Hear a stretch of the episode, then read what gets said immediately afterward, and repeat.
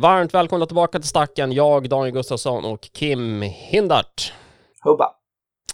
Idag ska vi prata mänskliga beteenden, hade vi tänkt lite grann, i förhållande till eh, lite ledarskap. Vi kallar det för kvartalsrapportsledarskap. Vi ska utreda vad det är för någonting och sen ska vi prata lite om myten mythbusting, höll jag på att säga. Heter inte allt, det heter myten multitasking ska vi prata om idag.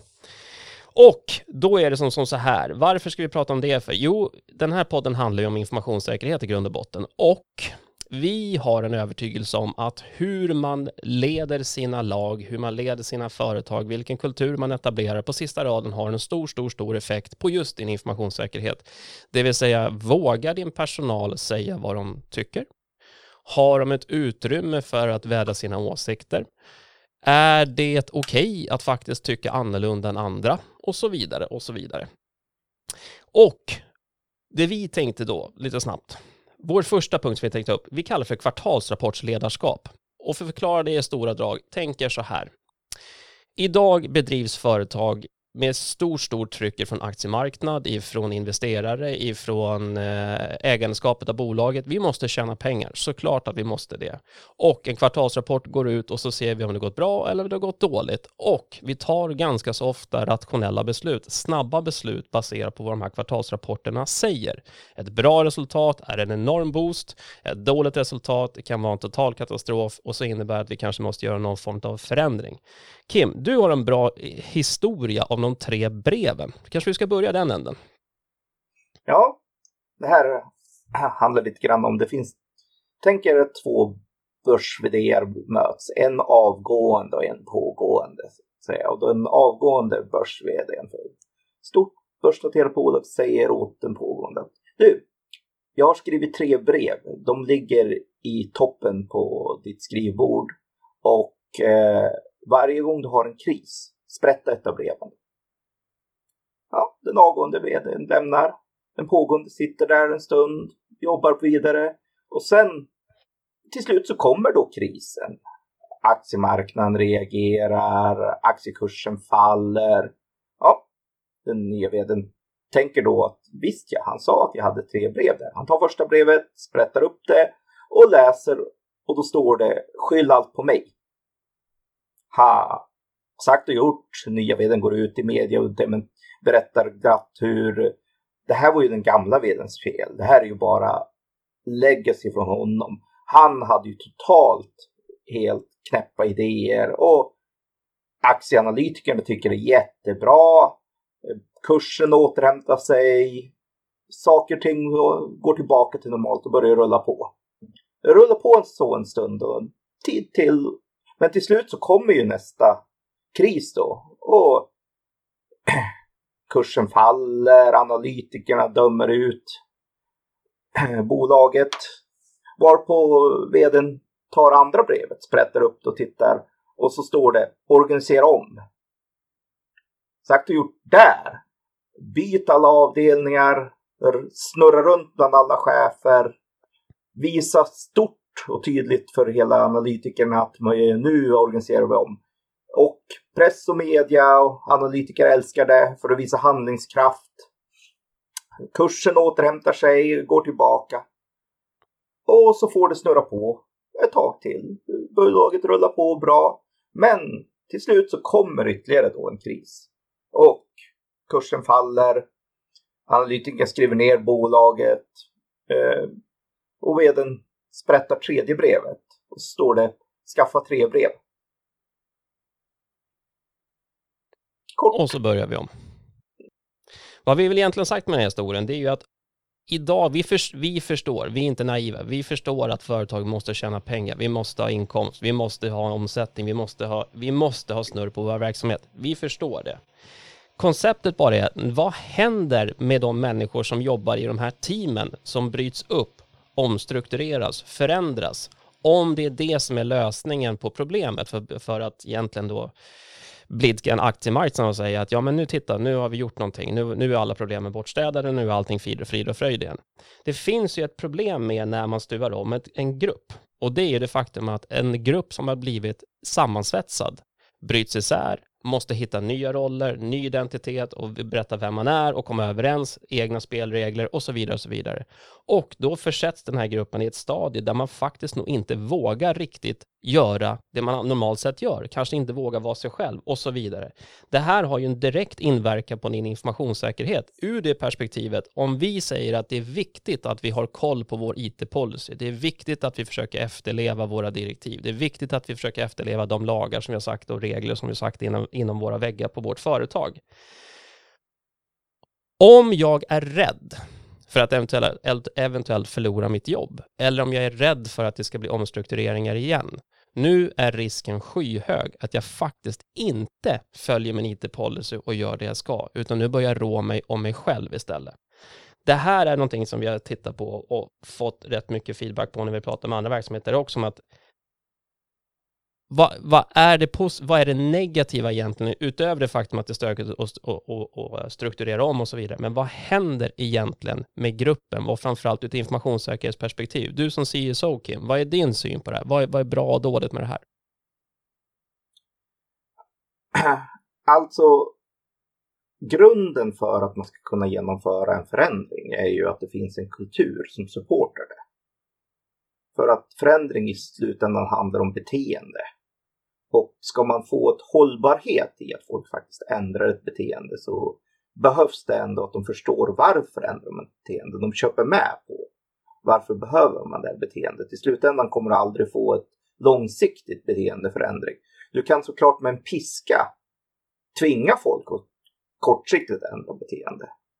Men det kommer att gå tillbaka sen eh, ganska snabbt. Och det är när den kontinuerlig vana, det är då du har den genuina säkerheten. Exempel låsa datorn. Folk som inte är vana vid det här i ryggmärgen, att jag låser min dator innan jag går från min plats. Ja, det kommer att ta en bra stund innan de är där. Och då måste man ha en kultur som främjar det beteendet, som supportar det beteendet, som säkerställer att man håller varandra ansvariga för det. Men då är ju motargumentet, varför löser man inte det här på två veckor med en liten instruktion? För?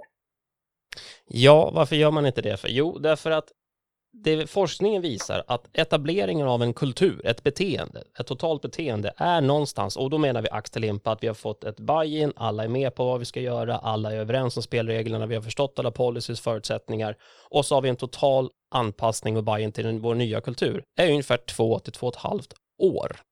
Och det är en extremt lång period. Och då ska vi vara tydliga med att under den resans tid så hinner ju naturligtvis förändringar ske, förbättringar ske. Det är ju inte gjort, det är ju inte att det inte händer någonting det första året. Och det kan också gå snabbare för vissa team och vissa lag och vissa företag än gör för andra.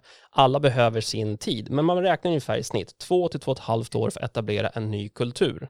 Om vi då har ett, en, ett beteende av att vi eh, gärna gör rotationer i, i våra lag eller vi gör förändringar efter kvartalsrapporten eller vi gör de här åtgärderna lite som dina, din historia under breven hänvisar till. Gör en snabb förändring så, så, så, så blir alla andra ut, ut, utifrån som tittar på oss glad att vi visar på handlingskraft.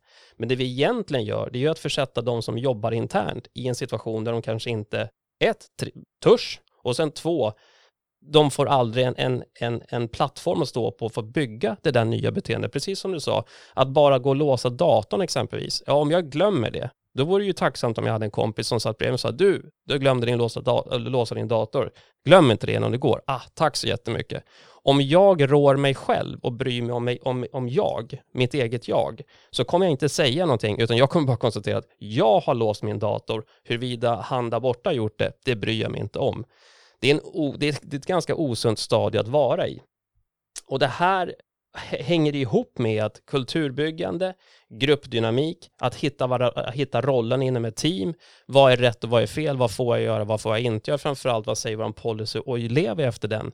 Den är extremt beroende av att jag faktiskt får en kontinuitet, att få träna på den här policyn, att få träna mitt beteende, att få Ehm, mina relationer etablerade i den grupp som jag jobbar med, det måste inte vara att jag känner alla på hela företaget, vi kan vara 10 000 anställda, det är en omöjlighet, men de 7, 8, 9 personerna runt omkring mig som jobbar i mitt team, de behöver jag ha en stark, stark, stark, stark etablering till, relation till, för att faktiskt kunna bygga upp en gruppdynamik som gör att vi stödjer vår IT-policy istället för att hamna i ett jag-läge där jag är rädd för att antingen göra fel eller rädd för att inte säga någonting, för om jag säger någonting så vem vet, det kanske är jag som är näst på tur att få sparken. Så att det här är ett du skickar en ganska dålig signal, för det är lite det som händer. De som blir kvar efter en stor eh, rotation, de som blir kvar efter ett stort varsel eller en stor förändring, det är sällan de känner sig så väldigt trygga i, i, i skinnet, så att säga, i, i den stol de sitter, utan de hamnar i ett läge där de faktiskt nog börjar rå sig om mig själv för att skydda mig själv. Det är en mänsklig reaktion, så det är inget konstigt med det. Men när vi är där, nu är vi otroligt sårbara ur ett säkperspektiv. Inte bara för att någon gör fel. Vi kommer förmodligen inte säga något om vi såg något heller. Men kritiker som säger då att det är ju bara brist på talang och kompetens som gör att du inte kan förändras på tre dagar.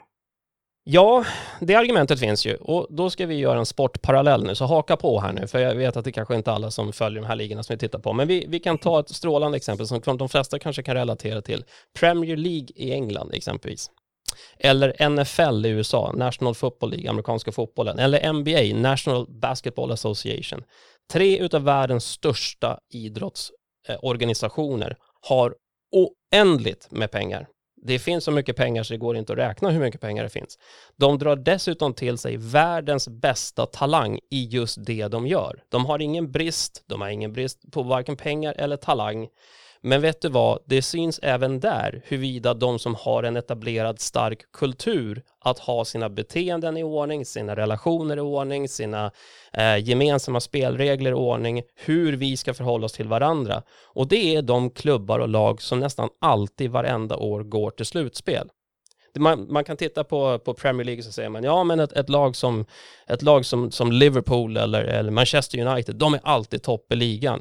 Ja, och så kan man säga, ja, men det är för att de har de bästa spelarna. Ja, såklart. Talang måste finnas där, missförstå mig rätt. För att man ska ha framgång så måste man ha en talang. Men vi vet nu att alla i den ligan har talang. Oändligt med talang, hur mycket som helst. Så Manchester United har bara lite mer talang än de lagen som ligger i botten. Men så finns det de klubbarna som nästan aldrig är i toppen. Eller i NFL eller NBA, nästan aldrig går till slutspel har man tur något år så kanske man har lite, lite man hittar en, en, en blixt i en låda som jag brukar säga och sen så hade vi ett bra år. Men vi är inte konsekvent bra. Vi är inte alltid där. Vi är inte de där topplagen. Det finns ett amerikanskt fotbollslag som heter New England Patriots. De har varit i Super Bowl, i final i amerikanska fotbollsligan, eh, nio av de senaste 14 åren och de har vunnit hur många mästerskap som helst. De är konstant bra. Och så säger alla, det har bara med att göra att de har en, en, en bra quarterback, han som slänger bollen. Och det är på grund av, ja, men det är ju bara för att det, det de är de. Ja, det de har lyckats gjort, det är ju att bygga upp en kultur, en vinnande kultur, där alla är med på hur man gör. Och alla är med på spelreglerna och alla håller varandra ansvariga till det beteende som vi förväntar av oss. De har inte bytt sin headcoach på snart, på snart 20 år. De har haft samma headcoach i 20 år. Det är en helt otrolig statistik i en proffsliga där man roterar ut tränare i princip vartannat år. Man får, ett, man får ett kontrakt man signar på, man har kanske två år på sig att lyckas. Lyckas du inte med det, då är det nästan per automatik sparken. Och tittar man på NHL och eh, andra sportligor så ser det likadant ut. Jag kan dra ett lysande exempel här i Sverige exempelvis, för er som följer hockey så eh, var det en hockeytränare i allsvenskan som fick sparken efter nio matcher med motiveringen vi har inte nått de resultat som vi vill ha. Och så gör man en snabb åtgärd, snabb förändring och så hoppas man på att nu ska det gå bättre. Den tränaren som fick sparken efter nio månader, han hade blivit anställd tre månader tidigare. Efter nio matcher, han hade blivit anställd tre månader tidigare, så han fick tre månader på sig och nio matcher att förändra en kultur, beteende, Eh, en förlorande kultur ska jag vara tydlig med också. De hade inte varit särskilt framgångsrik senaste åren. Och så sa man nu ska du bara gå in och lyckas. Det här är i princip en omöjlighet och det, det samma gäller inom företagsvärlden. Det spelar ingen roll. Det har ingenting med vad vi faktiskt gör, det är hur vi utan det är det, det, vad vi faktiskt praktiskt gör på sista raden är inte det som avgör. Det är hur vi bygger upp en kultur runt omkring för vad som är okej, okay, vad som är, vad som är eh, förväntat av oss. Hur mycket tid fick vi för att faktiskt nå den här framgången? Ja, väldigt många vill ha snabba resultat. Jag förstår det och tillbaka till jag förstår att vi måste tjäna pengar. Men snabba resultat Ja, det, det, kan du få, men du kommer inte få konsekvent bra resultat om du bara jagar snabba resultat. Och det här är exakt samma sak inom informationssäkerheten eller bara allmänt ditt uppbyggande av en struktur runt omkring din personal som ska försöka lyckas. Så att, att ge en ledare tid är kritiskt. Att ge en grupp tid är kritiskt för att kunna hitta en struktur och ge dem en chans att faktiskt kunna lära sig, förstå och leva efter den IT-policy som du har etablerat i ett företag. Vad är det då som tar sån tid? Om vi säger så då. För att folk, jag möter ju kritiken, det får inte ta sån tid. Ni har tre veckor på er. Hur svårt ska det vara? Ja, eller hur? Och då är det ju de facto... ja, vad som är svårt till att börja med, det är ju att, det är ju att lära känna varandra. Om vi börjar den änden. Att faktiskt lära känna varandra, att faktiskt våga vara så pass öppen så jag kan gå till min arbetsplats och säga att så här mår jag idag och det är okej. Okay. Och idag har jag en bra dag och bra, idag har jag en dålig dag och, och så vågar man faktiskt öppet ha, säga att så här är det idag. Att lära känna varandra tar tid.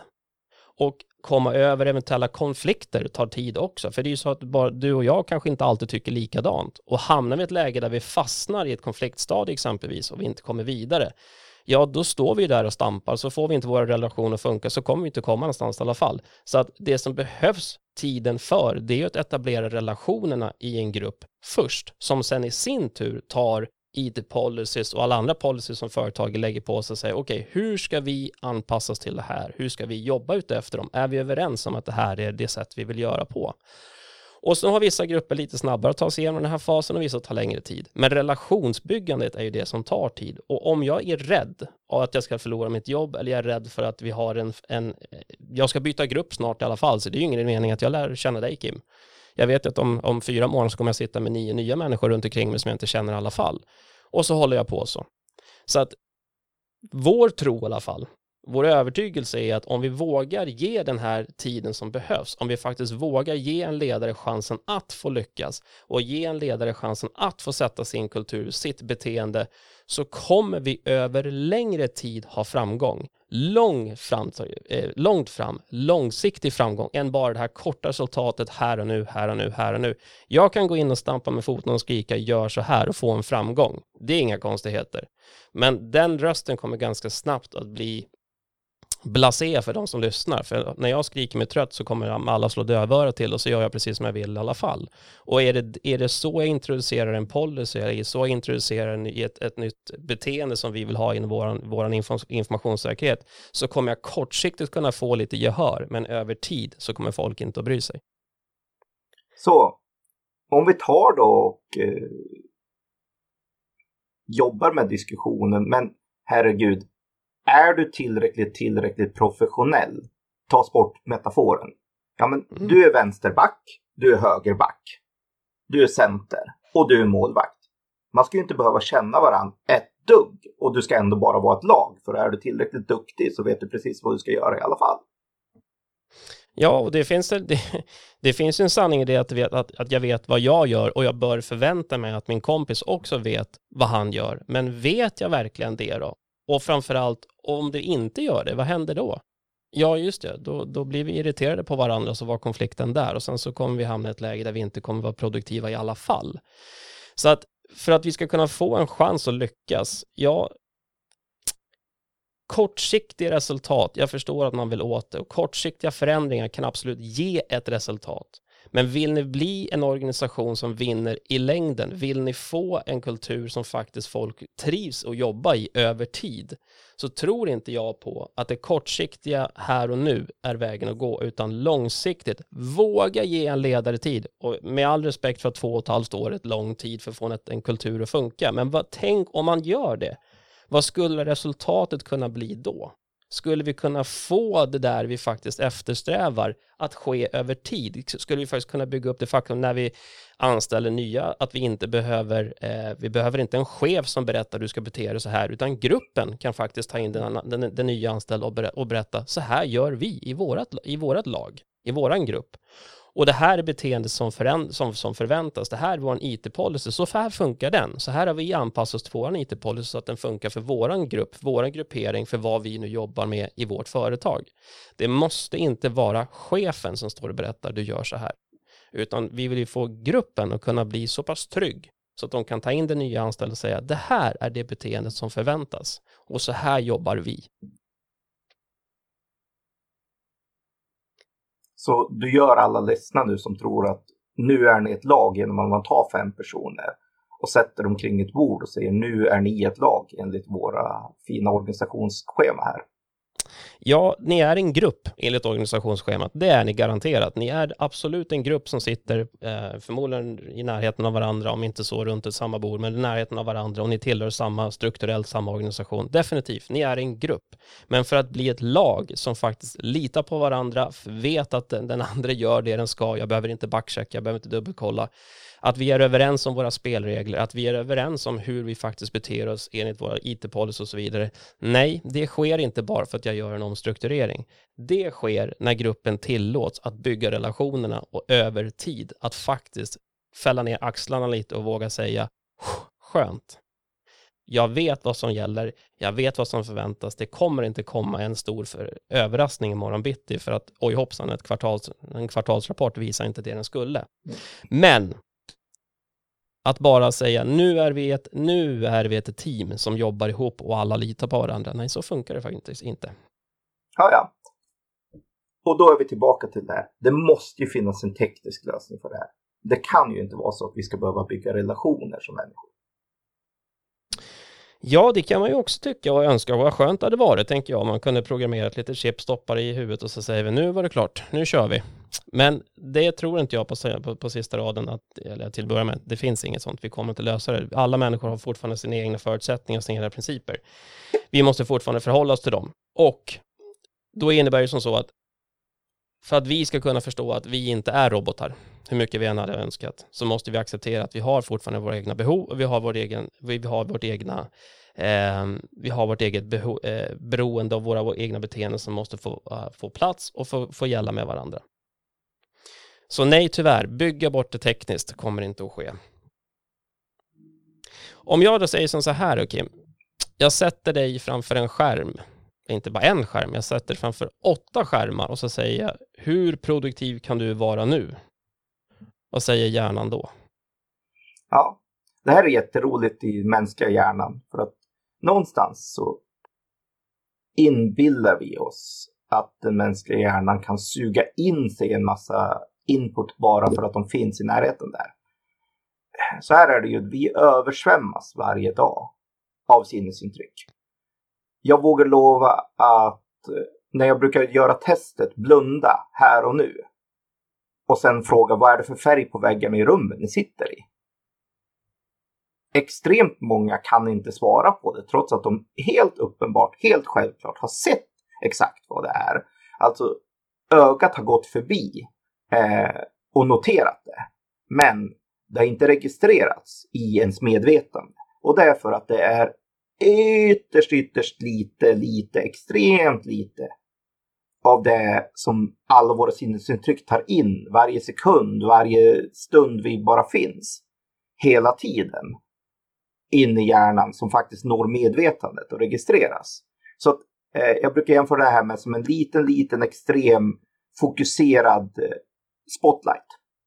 Det är det vi kan i vårt medvetande registrera. Det är där vi kan liksom hantera saker. Sen bara överflöds det av allt annat som händer utanför den här spotlighten såklart. Det, den världen snurrar på som det är ändå.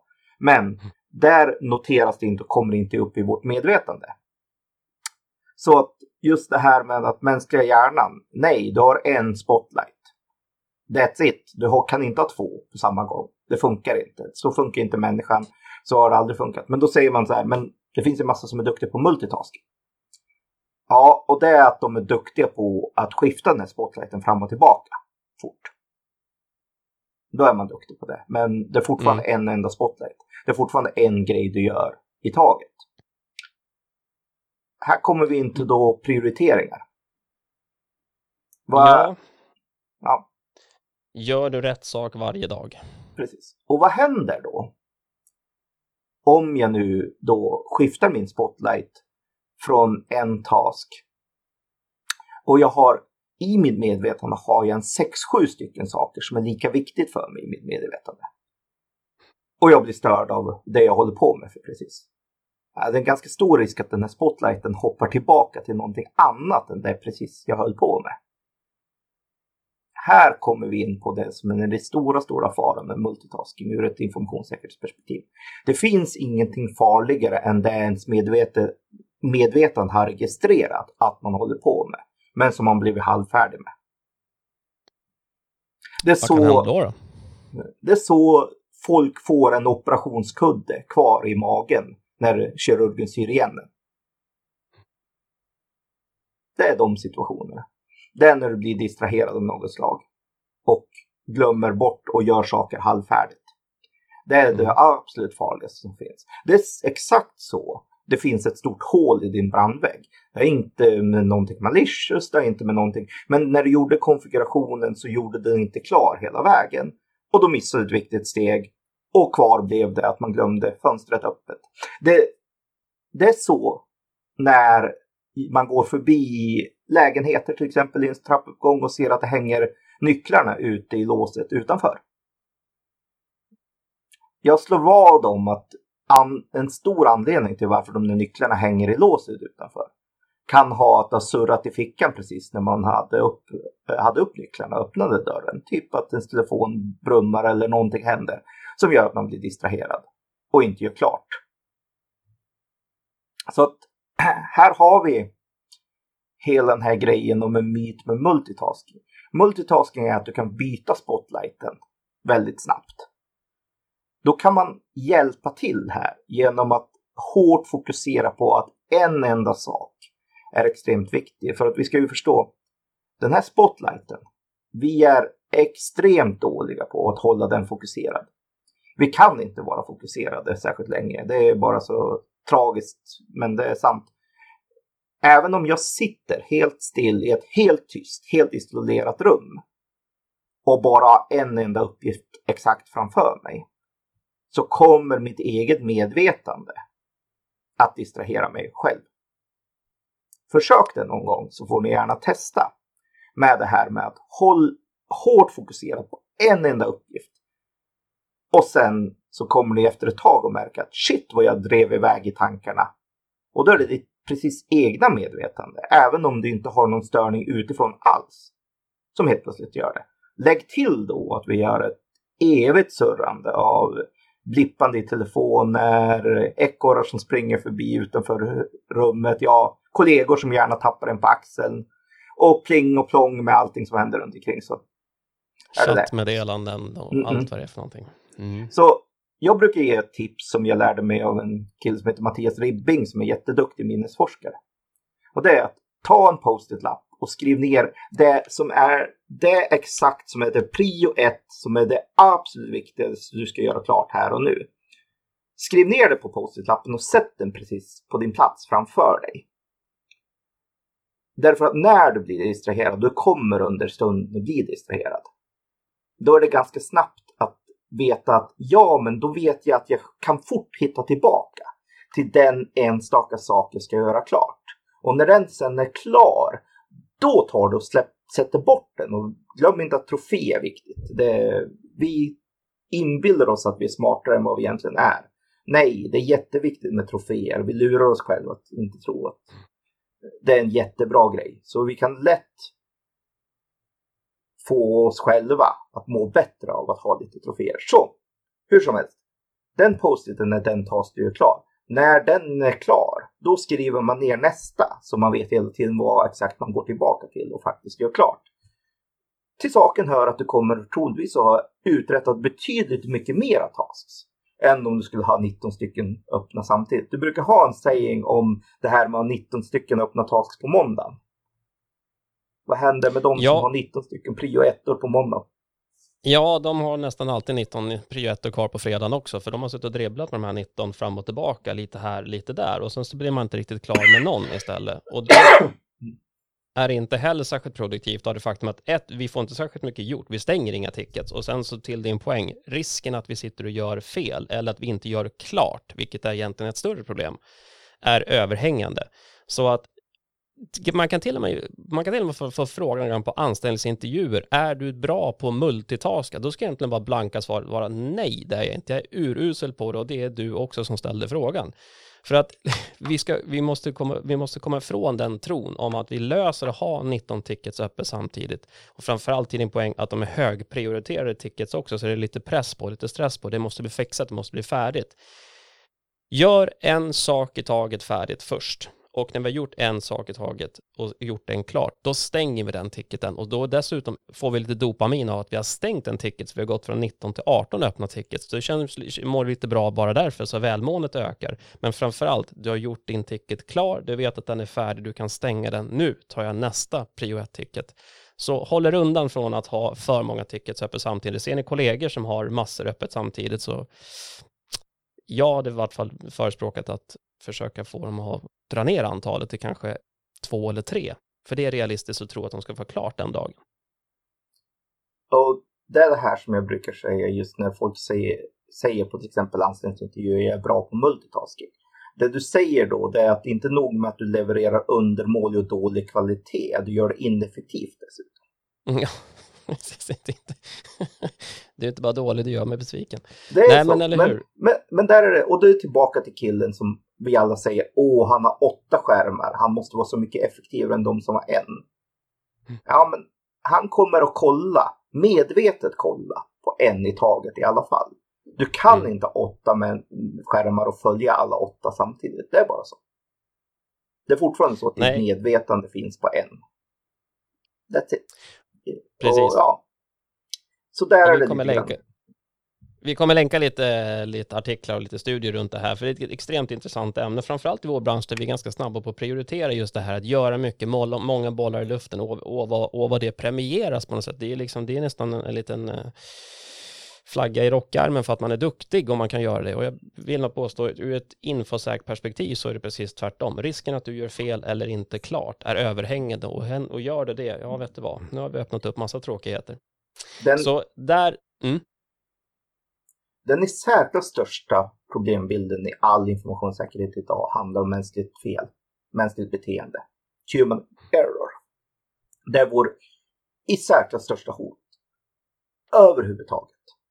Mm. Det är ytterst få saker idag som kommer in som inte har krävt en mänsklig misstag av något slag för att få bli någon, en skada i informationssäkerhet.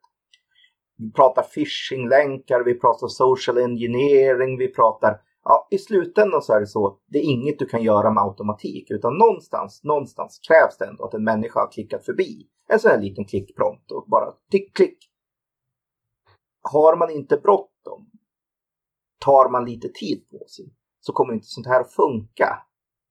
Så att där är det tillbaka till, blir man distraherad, blir man eh, störd och har man mycket distraktion runt omkring sig så ja, då är man osäkrare helt enkelt. Och det är tillbaka till nej, multitasking är inget bra. Var bra på att prioritera det du ska göra först och var bra på att stänga det snabbt och effektivt.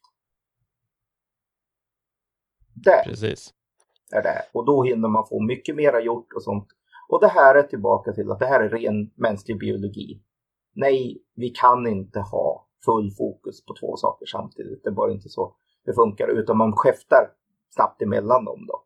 Och där har vi blivit duktiga på att snabbt skifta emellan. Men om du har för många sådana igång samtidigt, då är det livsfarligt. För att det finns inget farligare än att du i ditt medvetande tror du har gjort någonting. Och så är det inte gjort.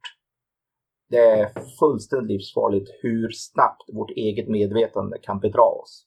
Och det är bara att titta på rena minnesutsagor och varför vittnesutsagor i sig, speciellt när det hände länge sedan, är helt bedrövliga. För att du kan ha sån enormt klar minnesbild av någonting som sen inte då stämmer med verkligheten. Och det är vårt eget medvetande som bara fungerar så. Mm. Och mm. lurar oss. Så nej. En sak i taget effektivt. Prioritera dina tasks en sak i taget. Gör det klart är vår rekommendation till alla som lyssnar. För att göra det, gör bara det här enkla testet. Att gör provet. Ta ett hög med post-its. Och så skriv exakt ner. Vad, vad, vad är i särklass det viktigaste just nu för mig? Att jobba med och göra klart. Här och nu. För att ja, du kommer att bli distraherad. Tro mig, det kommer att ske. Men skriv ner det på en post-it, se till att ha det. Och sen när du faktiskt är klar med den. Släck den i troféhögen och sen skriv en ny post. Bara testa det ett tag. Själva, helt, helt personligen för er. Och se, blir ni effektivare eller inte? Väl värt. Och som sagt, stort tack till Mattias Ribbing för det, hans, förslag, hans idé och inspiration till det. Mm. Och för att sammanfatta lite det vi pratade om tidigare när vi startade upp avsnittet också. Rent generellt, snabba förändringar ger också snabba resultat. Positivt och negativt. Ta med er av att gör ni strukturella förändringar i era grupperingar, i, bland er personal, så kommer ni också få en effekt på det faktum att de människorna som ni flyttar runt, byter grupper med, måste få en chans att få etablera sina, sina relationer och faktiskt på nytt kunna anamma era policies och åsikter och era, det, ni, det ni skickar ut organisationen. Att ge dem den chansen att etablera det, bygga upp det och faktiskt börja anamma det gent, gentemot varandra. Så fort vi gör snabba förändringar, så fort vi gör kvartalsrapportförändringar, så kommer vi få en negativ effekt in i företaget av det faktum av att vi får oroliga människor som ska försöka leda ert företag framåt. Har ni åsikter om det vi har pratat om idag? Hör av er jättegärna till oss på citynetwork.se stacken. Om inget annat Kim så tackar vi för idag så hörs vi framåt. Hubba.